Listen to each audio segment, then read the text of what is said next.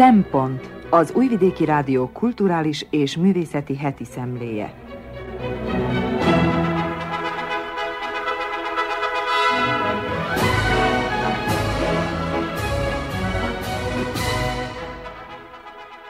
Jó napot kívánok! Köszöntöm az Újvidéki Rádió hallgatóit. A mikrofonnál Krnács Erika, a Szempont mai szerkesztője. Ízelítő kínálatunkból Sándor Zoltán az idei Palicsi Filmfesztiválra kalauzol bennünket. Dietrich Brüggemann filmjével foglalkozik. Jóda Rózsa Elmóger tíme a Saját falu című verses kötetét méltatja. Piros Bálint a zenevilágába enged újabb betekintést. Gobbi Fehér Gyula pedig heti jegyzetében arról ír, hogy minden este a tévé előtt ülve a holtak mezején gázolunk át. Tartsanak velünk!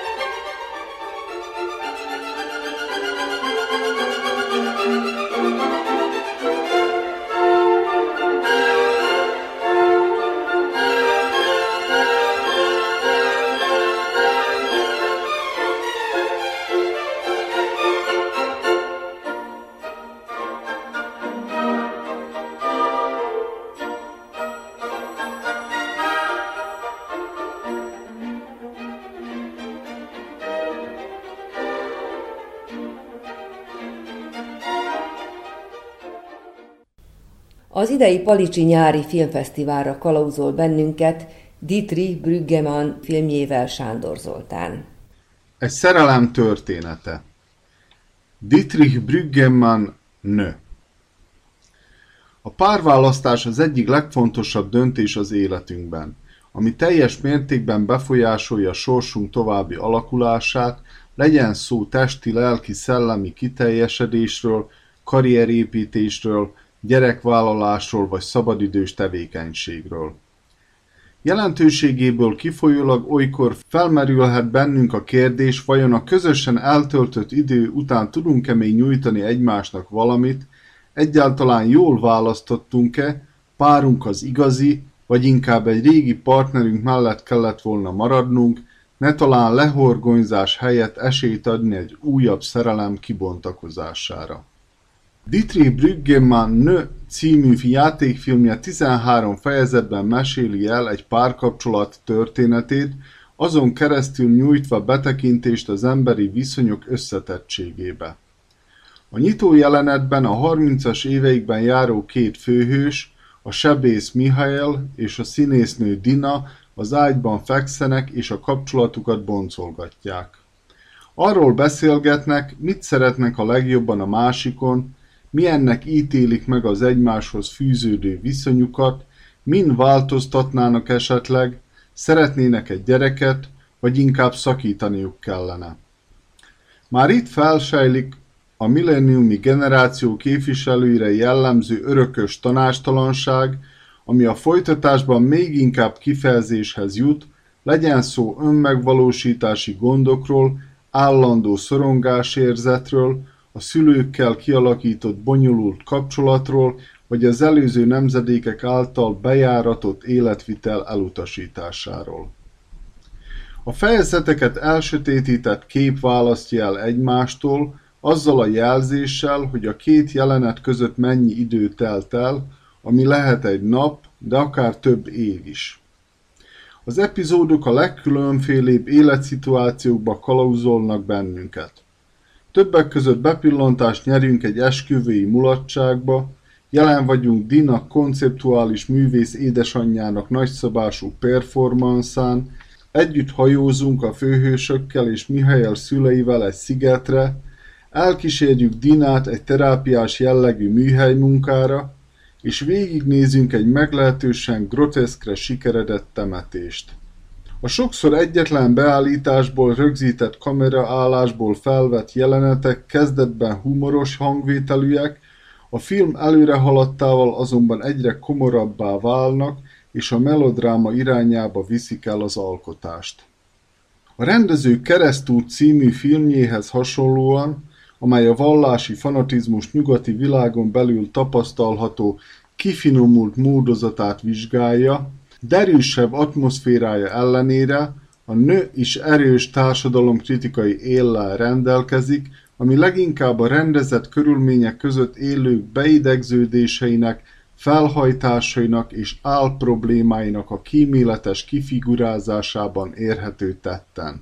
A fájó igazságok közvetítése tekintetében nagy hangsúlyt kapnak a mellékszereplők, akik az egykori udvari bolondok vagy a mai stand-up humoristák modorában kimondják azt, amit a legtöbben gondolunk, csak jól neveltetésből, a közösségi status quo fenntartása érdekében vagy a politikai korrektség okán nem hangoztatunk. Ilyen például Mihail tekintélyelvű édesapjának pessimista monológia az emberiség jövőjéről, vagy a természetes szülés szószólói felett gúnyolódó nőgyógyász nihilista szóáradata. A filmben a realisztikus képeket a hősök gondolatainak vagy látomásainak a megtestesülése dúsítja, ami bizonyos mértékben szürreális hangulatot kölcsönöz a műnek.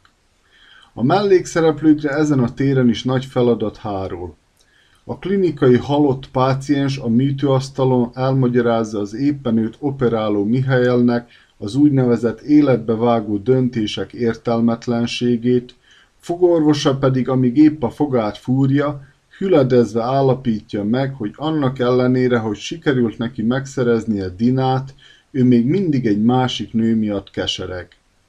Ezekben a jelenetekben igazából harmadik személyek mondják ki Mihály gondolatait, mintha saját belső hangja próbálná észhez téríteni a férfit vég nélküli gyerekes morfondírozásából.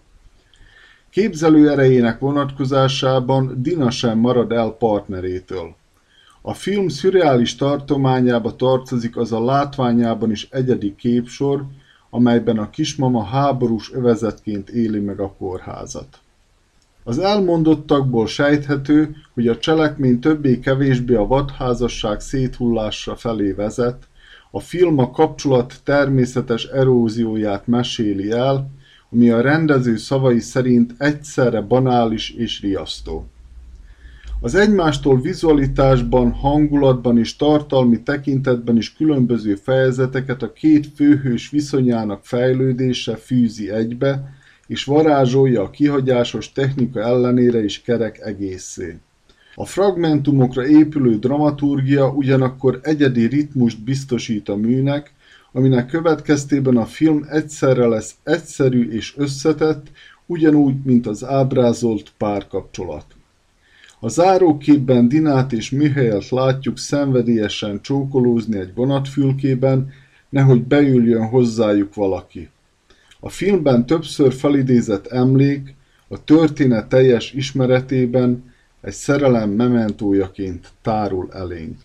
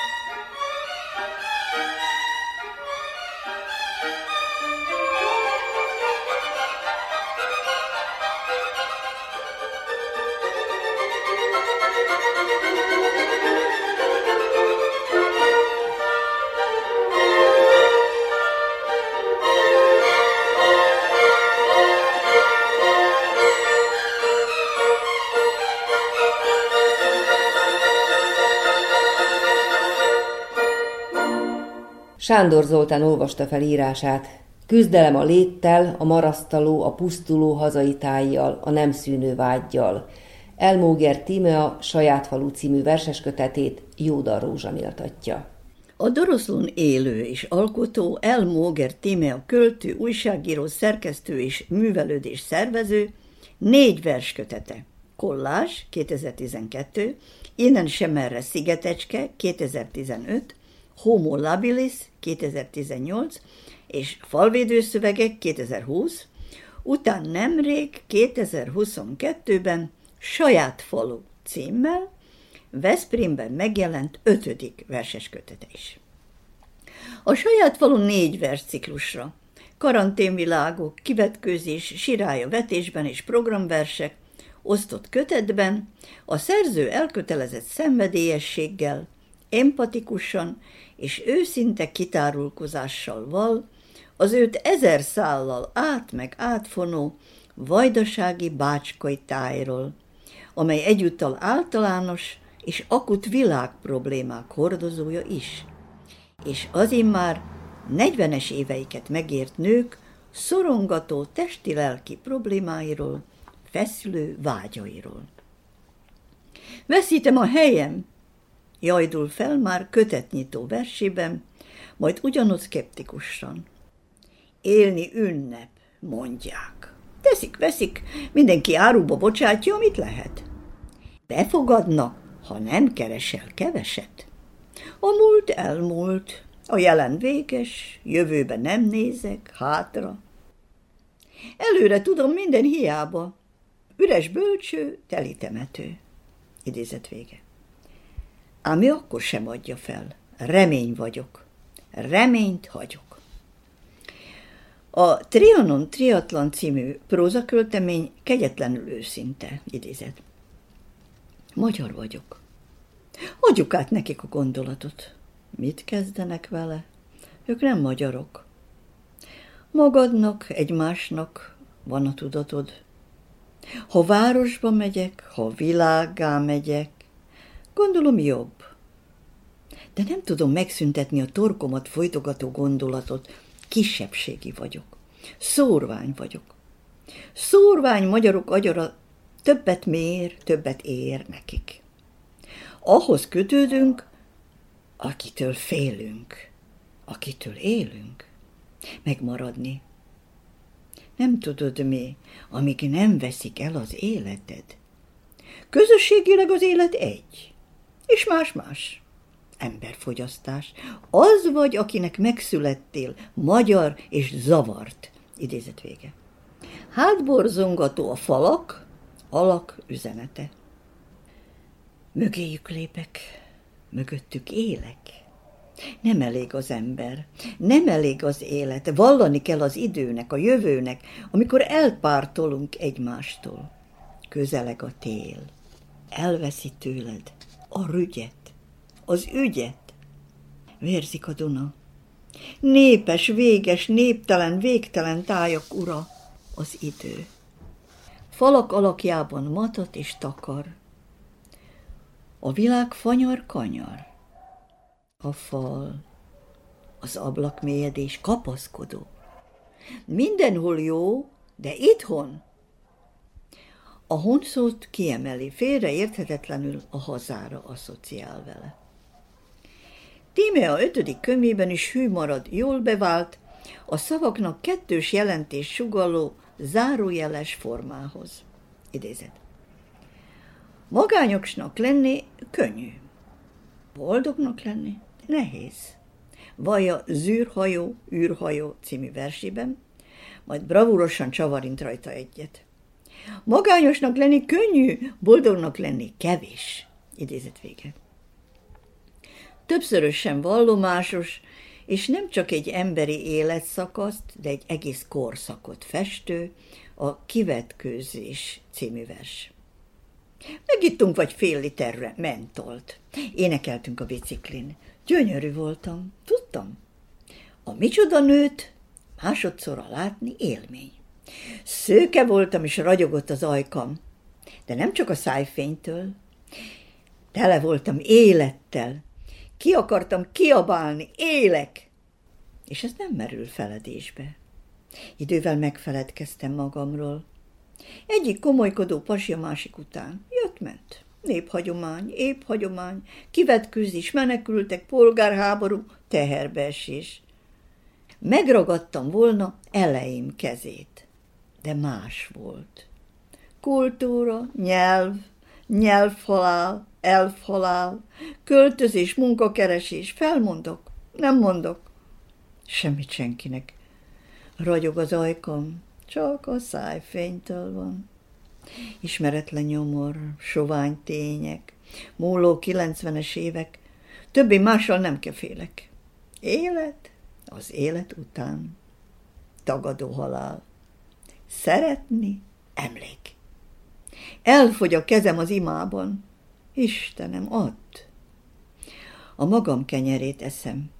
A kenyerem fogyasztják, vegyétek és egyétek. Ifjúkori akság, tehetetlen. Lehetetlen elválni attól, kivé lettem. Idézet vége. Mélyen szántó nagy igazságokat és igazságtalanságokat kimondó a Zarándokok című vers. A rovarok láb alatt egyedül halnak meg. A kutya gazdájától távolra megy elpusztulni. Gyakran egymásba marnak vadállatok. Igazság, gasság.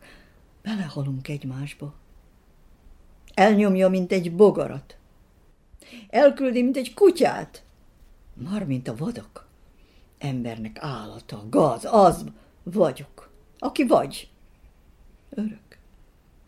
Idézet vége. Felszakadó dilemmája az alkotásról a téli látleletben. A kérdés, hogy miért sírunk verseket, hogy miért írunk verseket. Idézet vége. A gégemetszés a kietlen magányról és a nyomorba taszítottakról, valamint a vegetálókról fest éles képet, idézet. Minden, amiről nem beszélek, megrohan. Alattomos szombatok és vasárnapok. A szabadság nagyobb titok, mint a napok.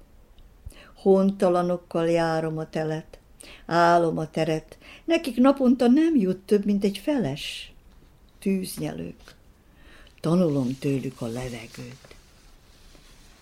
A helyet annyi mindig lesz, amennyi szükséges. Annyi van, amennyi sírba visz. Nem nyerni, lélegez, mantrázza veled az életed, amelyen kívülre kezd a szereped. Idézet vége. A Fehér Ferencnek ajánlott fehér fal egy bácskának címzett szerelmi vallomás. Nyár, akác és ármány, szűnni nem akaró bácskai évszakok örök lakója vagyok. Szeretni mindig lehet jobban, kőpárna, por, izom, minden nyom valódi, minden erő vagyon, amiről nem tudja más, mennyit ér, csak a föld, az ég, a vér.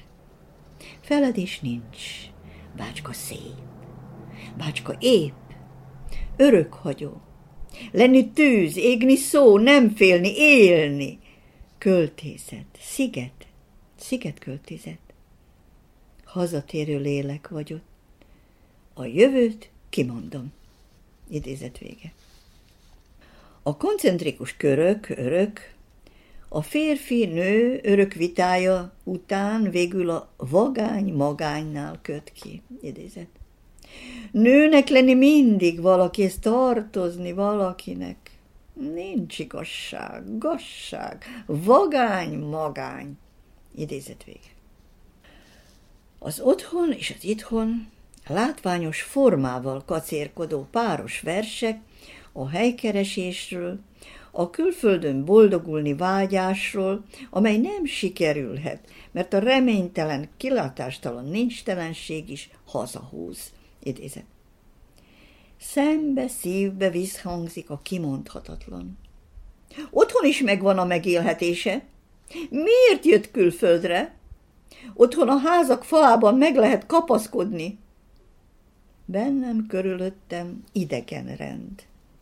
Megy velem a repülő, merülő vonat, vagonban alszom, mint pillanat hazavisz.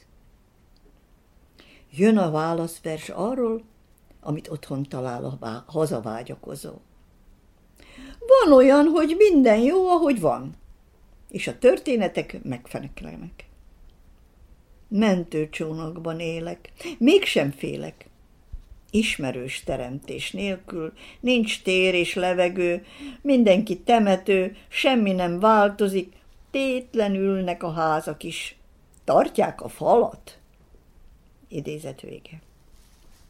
A versziklus címadó sirály a vetésben a másság.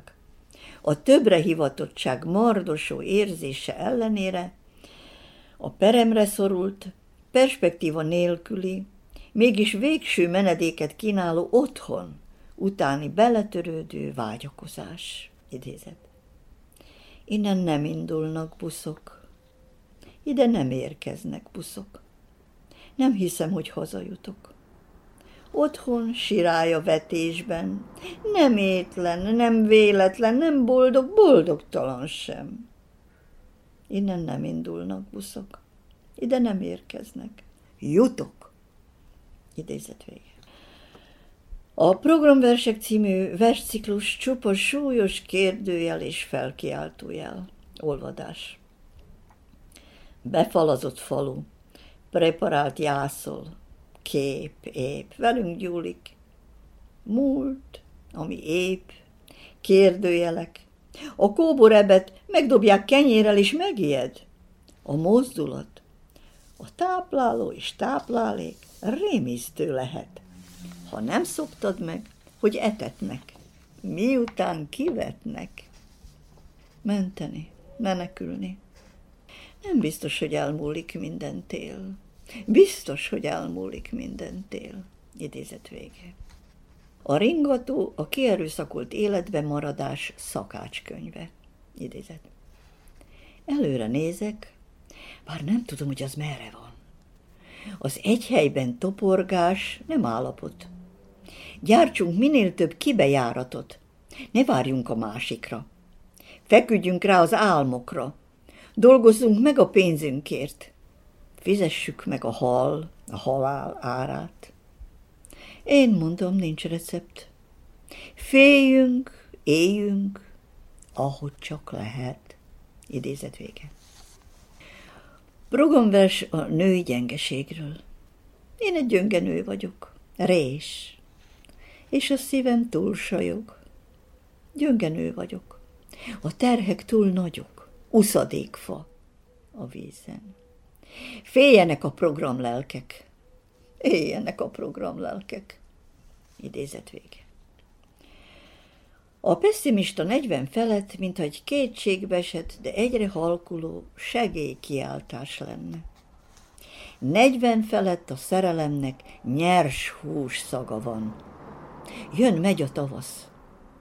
Szemem fakítja nap, hátamban a szél forgatja kést, Nincs vége a világnak negyven felett. Negyven felett már el lehet várni, nyomják a testemet falnak, amikor szeretni akarnak. Nincs sok idő, amíg erő van. Ne bánts, megadom magam. Idézet vége. A keresztmetszet is a vágy maradékát és a magányt faggatja. Semmi nem örök. Ledér házfalak mögött, tükör előtt, a levegő fogy, az élet sokasodik. Természetes, szaporulatlan, szaporulat. Körök, örök. Tudattalan tudat. Innen nézem, elveszett. Onnan látom, megőrzött. Tett helyek szívem hegei.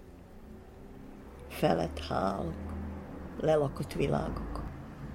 Farkas szemekben magány, a test temetése a lélek keresése, szárny, árny, örökmécses, tűztestek, tűtestek, fokán átlépek. Idézet vége. A csendélet is nem leplezett vágyakozás. Falakból hiányzó téglák, felülmúlják az elmúlást, kezdem figyelni az utcát, melyik a napos oldal, ezentúl azon járok. Nem lesz vége a világnak. Kezdődő élet egy középkorú csecsemő, Isten tudja hány éves. Szavakból rakom össze a testem templomát. Nem oltatom el a vágyat. Nem tudok mit kezdeni a szomjammal, a szomj fölfal, mielőtt éhan halok, tenger vagyok, magas parttal, észak-évszak, szív halál, napos oldal, túlélő haldoklókkal. Idézet vége. A halálijesztő a faluban észlelhető fokozatos foghíjasságra, a családon belüli erőszakra és az öngyilkosok számának növekedésére hívja fel a figyelmet. Pucér, jellegtelen évszakok. A veszteség okít. Rossz tanuló vagyok. Életjel. Az élet nyel. Üres helyek, fejek, alagutak, játszóterek, madáriesztő, haláltemető. A családanya felkötötte magát. Gyakran álmodunk vele. A faluban többen is. Elképzeljük, mi oka volt rá. Hogyan jutott el a felismerésig? Van, amiben bele kell halni. Nincs más választás. Ha van is, nem lehet örökké búcsúzni. Jár a tetlegesség, ár a tetlegesség. Erősebb, erősebb, mint a túlélés tehetsége a lebegés, a lebegtetés, túl félte, túl élte magát. Ki kíséri át? Nem tudok úszni. Ettől minden víz, minden íz mélyebb, mint a valóságban. Idézet vége. A záróvers, az örök vég, örök ég, mintha búcsúzó szerelmes vers lenne. Csoportban szállnak fel az arvak szállnak el a darvak. Takarlak, akarlak. Ül bennem a táj. Megmozdulsz. Kilépek a képből. Elköltözünk kerekebb éghajlatra. Egymás felé, egymás elé. Vad tücsök zene, a testeké. Ringató, ingató, ringyó szél, bennünk fél, bennünk él, eső illat. Hallod? Birkad. Fénytűzér, fényűzér ágyam. Eső áztatta szívzuhany. Ívzuhany. Zuhan. Zuhany! Emlékszem könnyeidre. Harcomon, arcomon feszülő hideg, feszülő ideg élettelen nélküled, élet nélküled. Idézet vége.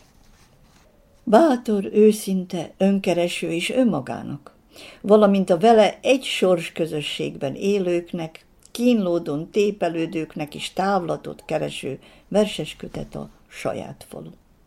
A szavaknak kettős jelentést kereséstől továbbra sem tud szabadulni. Ez nem csak formai megoldás, a szerzőnek már egészen sajátjává vált, ami nem baj. Mert néha valóban melbevágó üzenete van az árójeleinek. Néhol azonban felesleges, sőt zavaró manírnak tűnnek. Csökkenteni kellene rutinos gyakoriságukat. A saját falu külön érdekessége, hogy a szerző ezt a könyvét is saját fotomanipulációival illusztrálta méghozzá a versek mondani valójához szervesen kapcsolódó fotókkal. A borítólapot lepusztult, vedlő, lepergő vakolatú házfalak csíkokra szabdalt, és egymás mellé montázsolt fotói olvadnak elkeserítő hangulatot árasztó, szomorú egészé. A belső fotók közül egy ugyanazt a módszert követi. Kettő kártyalapokról ismert módon ugyanazt a felvételt, egy falusi ház vagy egy templom oromfalát illeszti fejtől láptól egymáshoz, és közéjük ügyesen bozótos tájképet varázsol, míg a negyedik kompozíción ugyanazon fej nélküli, háttaláló férfi alak titokzatos ányképe négyszereződik meg előttünk. Elmóger Tímea egyre sokoldalúbb alkotóvá válik. lassan már el is várhatjuk tőle, hogy egymaga illusztrálja a könyveit.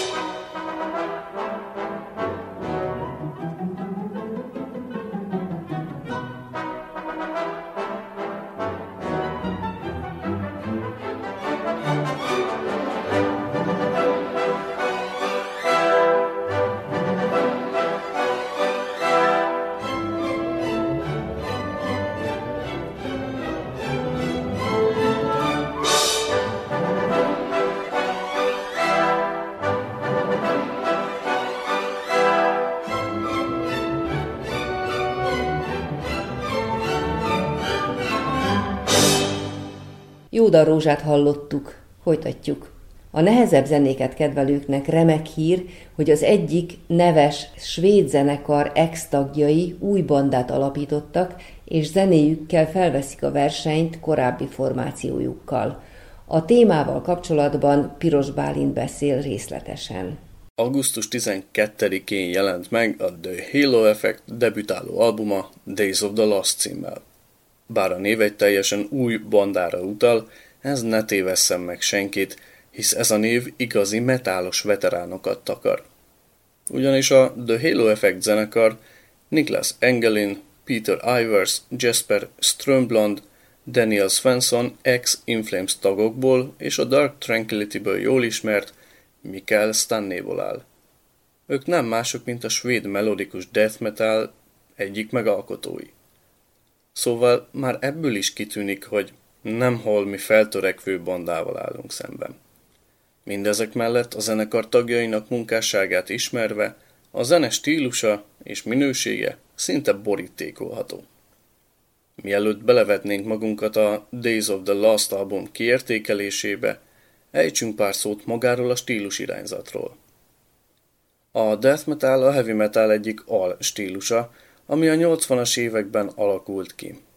Jellemzői közé tartozik a standardnál mélyebbre hangolt gitárok, blast beat és dupla lábdob használata a doboknál, a palm muting játéktechnika a gitáron, ami azt jelenti, hogy tenyérrel némítják vagy tompítják a gitárhúrnak a hangját játék közben a gitárosok, valamint természetesen a mély, hörgő énekhang a 80-as években megjelenő trash metal zenekarokat, mint a Venom, a Death vagy a Slayer tartják a stílus úttörőinek ennek a hangzásnak a kialakulásában. Hamar ki is alakult a 80-as évek végére Floridában egy kemény mag, ami több zenekart foglalt magába, akik ezt a fajta hangzást elsajátították és beemelték a köztudatba. Ők voltak a Possessed, a Morbid Angel, az Obituary, Cannibal Corpse vagy a D-Side. Hamarosan Európát is elérte a death metal láz. A korábban említett zenekarok sikere hamar életre hívott több európai zenekart és bandát, mint a Brit Napalm Death, a Bolt Thrower vagy a Carcass. Svédországot elérve több legendás zenekart is adott ez az ország a zenei stílusnak. Ott is a stokholmi és a Göteborgi zenei szintér játszott nagy szerepet. Hamarosan olyan zenekarok jelentek meg a stílust meghatározó zenéikkel, mint az Entombed, At the Gates, a Meshuggah. A stokholmi nyers és brutális death metallal ellentétben a Göteborgi zenei szintér továbbfejlesztette ezt a stílust, méghozzá az akkoriban már terjedő brit újhullámos progresszív metált játszó zenekarok hatására, megteremtve ezzel a melodikus death metált. Olyan nevek emelkedtek ki ebben az időben, mint a Dark Tranquility, az In Flames, a Soilwork, az Arch Enemy, az Opeth vagy a The Haunted. Érdekességképpen meg kell jegyezni, hogy a jellegzetes svéd death metal hangzásnak, vagy legalábbis ennek a kialakulásához, nagyban hozzájárult a kor torzító pedáljainak fejlődése. Nem véletlen volt az, hogy ekkoriban adta ki a Roland Corporation Boss márkanév alatt az azóta legendássá vált HM2 Heavy Metal torzító pedált. Ez lényegében, ha maximumra tekerünk mindent rajta, akkor egy elég brutális hangzást kapunk, és lényegében ezek a zenekarok ezt használták, ami tökéletesen megfelelt a death metal zenei stílusnak. Ahogy korábban is említettem, a korai 90-es években megszületett az egyik Göteborgi melodett zenekar, az In Flames. A zenekar első 1994-es albumán még nem volt egy kialakult felállása a bandának, főleg énekese nem volt. A debütáló albumukhoz, a Lunar Strainhez Michael Stanley-t kérték fel a Dark Tranquility-ből, hogy énekelje fel az éneket. Az Inflames klasszikus felállása az 1997-es Horacle albumnál jött létre, amikor a jelenlegi énekes Anders Fridén is már a zenekarban volt, valamint a korábbi gitárost felváltotta Niklas Engelin, a basszusgitárosi posztra pedig Peter Ivers érkezett. 2010-ben Jasper Strömblad alkohol problémái miatt elhagyta a zenekart. 2015-ben Daniel Svensson dobos hagyta ott a zenekart, hogy a családjára fókuszálhasson. 2016-ban Peter Ivers basszusgitáros hagyta el a zenekart. Niklas Engeling gitáros 2019 óta nem lép fel az Inflames-el. Az élő fellépéseken a Megadethből jól ismert Chris Broderick játszik a posztján. Engeling státusza az Inflamesben nem tisztázott. Hivatalosan nem távozott a zenekarból. Ellenben Fridén 2022. júliusában azt nyilatkozta Chris Broderickkel kapcsolatban, hogy 100%-osan az Inflames tagja. Ez viszont még mindig nem ad választ Niklas Engeling státuszát illetően. 2021-ben viszont az ex-Inflames tagok Michael Stanley-val kiegészülve bejelentették a The Halo Effect megalakulását. Debütáló lemezük a Days of the Lost idén augusztus 12-én jelent meg a Nuclear Blast kiadó gondozásában. A média megjelenések szerint a zenekar létrejöttét a 90-es évek Göteborgi melodikus death metal hangzás világához való visszatérés inspirálta. Az albumon 10 dal található. A The Halo Effect pedig azt tette, amihez ért. Melodikus death metalt csinált. Lényegében semmi újat nem hozott létre, hanem visszanyúlt a gyökerekhez. Zeneileg és hangzásvilágban az Inflames Clayman albuma, az At the Gates Slaughter of the Soul, valamint a Soilwork Stabbing the Drama albumának hatása érezhető. Zeneileg, valamint hangzásvilágban az Inflames Clayman albuma, az At the Gates Slaughter of the Soul, valamint a Soilwork Stabbing the Drama albumának hatása érezhető. A lemez dalai erőteljesek, súlyosak, dallamosak és mindenek felett zúzósak. Mikael Stanna hörgése vagy épp tiszta éneke egyáltalán nem erőltetett. A maga természetességével lehengerlő. A gitártémák feszesek, dallamosak, a basszus döbörgések kihalható, a két lábdobok pergése pedig megadják a kellő tempót. A Halo effekt nem a reflektorfényre hajt, hanem ez örömzene, amikor remek zenészek olyan zenét csinálnak, amihez igazán értenek, és amit igazán szeretnek. Ez lett a Days of the Lost album. Halkan megjegyezném, hogy érdekes módon az Inflames idén-nyáron kiadott friss dalai, a State of Slow Decay, valamint a The Great Deceiver hangzásvilágban közelebb áll a régi albumokéhoz. Mindez vajon véletlen egybeesés, vagy a The Halo Effect feltűnése játszott szerepet benne? Nem tudni. Minden esetre nem feltétlenül rossz dolog a gyökerekhez való visszatérés. Nem hiába juttatott meg annyi zenekart világhírnévre a melodikus death metal.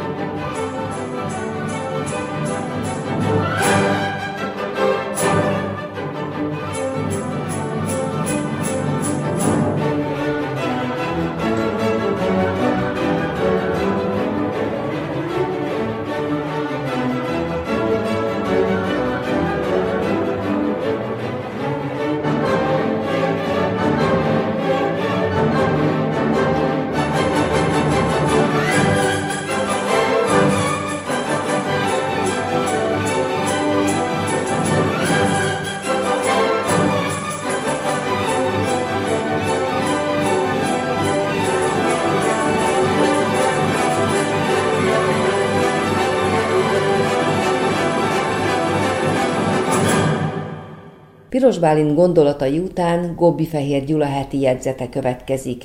Mindennapi háborúink címen. Ülök a nappaliban és szomorkodom. Azért szomorkodom, mert nézem a tévét, és azt figyelem, hogyan lőnek szét egy várost. Szeretném kikapcsolni a készüléket, de akkor meg nem fogom hallani a legújabb eseményeket. Kinomban az jut eszembe, hogy sohasem kellett volna tévét vennem. Pedig mennyire örültem, mikor megvettük a család első tévékészülékét.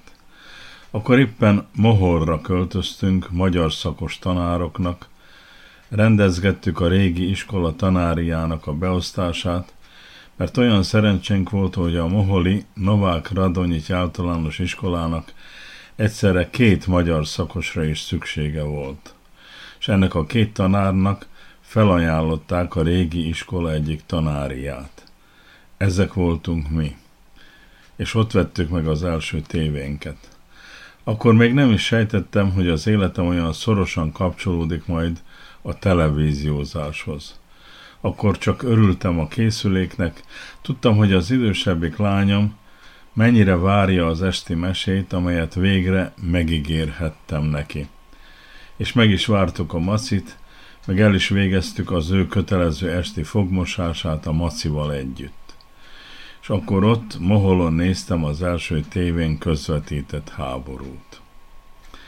Ha jó, belegondolok, azóta alig telt el nap az életemben, amelyben nem tekintettem volna meg az esti híradót, és nem láttam volna az éppen aktuális, mondjam úgy, mindennapi háborút, amely hozzánk hol közelebb, hol tőlünk távolabb folyt.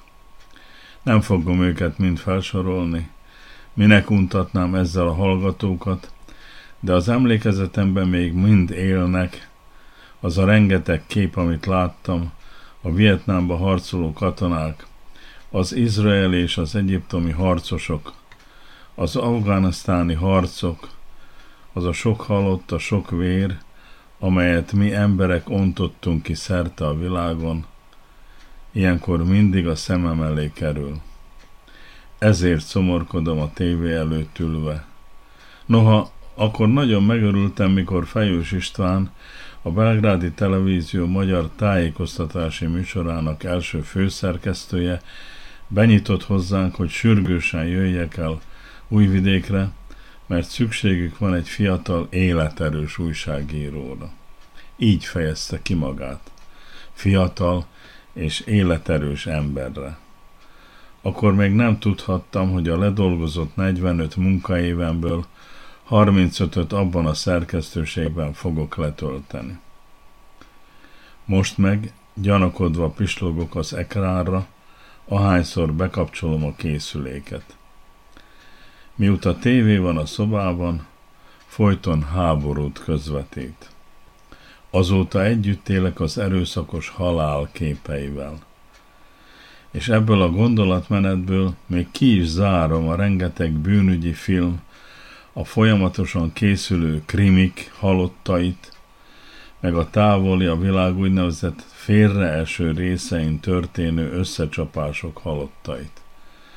Van itt félreeső rész? Úgy teszek, mintha ezek nem is léteznének, pedig hát vannak, megtörténnek, azok is embertársaink, többségükben méltóságot és tiszteletet érdemlő polgárok, akik két kezük munkájából éltek, illik számon tartani őket. Közben annyira rászoktattunk minden nézőt, hogy az esti híradó elesett katonákkal, szétbombázott városokkal, mindenféle szörnyűséggel van teli, hogy már oda se figyelnek a részletekre, nem törődnek a megjelenő szörnyűségekkel. A hírfogyasztással járó mellékhatásnak veszik. Mindenki majdnem minden este a holtak mezején gázol át. A háború egyelőre nem állította meg az életünket, pedig itt történik ezen a földön, itt folytatják az emberek, és nem is vagyunk képesek megszökni előle, tudomásul vesszük és folytatjuk a vacsoránkat. Valamikor kezdő koromban tanulmányokat írtam a televízió pozitív hatásáról. Mindent megtettem, ami tőlem telt, hogy erősödjön az újvidéki tévé, egyre több percet gyártson a magyar szerkesztőség, és persze egyre minőségibbek legyenek azok a percek. Részt akartam venni abban a folyamatban, ahogy megszületik a globális falu. Az emberiség egységes élete. Úgy véltem, ezáltal segítek az embereknek, hogy jobban megértsék a körülöttük levő világot, ha eltűnik az emberek közötti távolság, egymást is jobban megértjük, közelebb kerülünk egymáshoz. De azóta is folyamatosan folyik a háború. Pedig sok szempontból sikerült többet megtudnunk egymásról, mint valaha. És most azon gondolkodom, ki nevelte ilyen felelőtlenségre a folyton egymásnak ugró, egymást átkozó, gyilkolni vágyó embereket. Emlékszem, a szombati Magyar Szó kultúrrovatában rövid cikkeket írtam, hogy mire való a tévéműsor, miként kell nézni a különböző műsorokat. Többek között írtam arról is, hogy az első, folyamatosan közvetített háború az a vietnámi háború volt. Az amerikai csatornákon mindig a Fehérház véleményét lehetett hallani, az elnök és munkatársai estéről estére azt magyarázta a nézőknek, hogy ez a háború egyre jobban áll, vagyis nem sok hiányzik a győzelemig. Csinosan öltözött ezredesek magyarázták, hogy milyen gonoszok a vietnámiak, és a lakosság mennyire várja a felszabadító amerikaiakat. A nézők persze sokáig őszintén hittek benne, hogy minden szó igaz. Csak éppen Walter Cronkite, a legismertebb kommentátorok egyike, rászánta magát és elutazott a harctérre. Ugyanis saját szemével akarta látni, hogy ott mi történik. Pár nap alatt csalódottan látta, hogy amit otthon szajkóznak, az egyszerűen nem igaz. Amikor hazatért, nagy felháborodást váltott ki, ugyanis első este bejelentette, hogy a háborút elvesztették. Akkor minden hivatalos szerv elátkozta. De mivel az amerikaiak milliói hittek neki, csak hamar meghátráltak a miniszterek, mert a nézők a kommentátornak hittek. A látszatvalóság napok alatt összeomlott. A háborút elvesztették. Most is a tévé hatalmába kapaszkodik sok állam kormánya. A kormányok azt akarják belesújkolni a nézők elméjébe, hogy amit a tévé mond, azt vegyék készpénznek. Ha egyeduralkodó a tévé, akkor szorítson ki minden más véleményt a porondról. A politika színpadán az legyen a főszereplő, akit a tévé támogat. Ez sokszor sikerül is, de nem a végletekig. Ha jól tapasztalom, akkor azt állíthatom, hogy a tévé nem csupán jót hozott a nézőknek. Megváltoztatta az új nemzedékek erkölcsi érzékenységét. Mire célzok? Arra, hogy az állandóan és kitartóan bámult borzalmak agyunkba vésődtek, elménkbe rendeződtek, vagyis közönyösek lettünk. Akármit bámolunk, már nem hat ránk, mint a régi időkben. Egyetlen visszahatása vagy utóhatása van, a közöny. Nézzenek körül, ha társaságba mennek. Folyik a vacsora a barátoknál, mindenki saját ügyeit meséli. Sokan szeretnének bajaikra panaszkodni, többen egyszerre beszélnek, közben az ekránról ömlik a vér. De oda se figyel senki. Nem azért, mert az emberek rosszak vagy gonoszak. Egyszerűen most a vacsorával meg saját magukkal vannak elfoglalva. Azt szokás mondani tévés körökben, hogy ami az esti híradóból kimaradt, az meg sem történt. Ettől még igazabb, hogy az ember képtelen egyszerre híreket hallgatni, a szomszédjának szavait hallgatni, saját bajait barátainak előadni. Holott azok ott a tévében, amint látni, valóban lövik egymást. Házak omlanak össze, emberek véreznek az utcán. Folyik a háború, minnyáján tudjuk, hogy ez közelről érint bennünket is, de képtelenek vagyunk magatartásunkon változtatni. Ha beszélgetni akarunk, zárjuk el a televíziót. A háborút is el kellene zárnunk, és ha minnyáján közösen ezt akarnánk, talán még sikerülne is.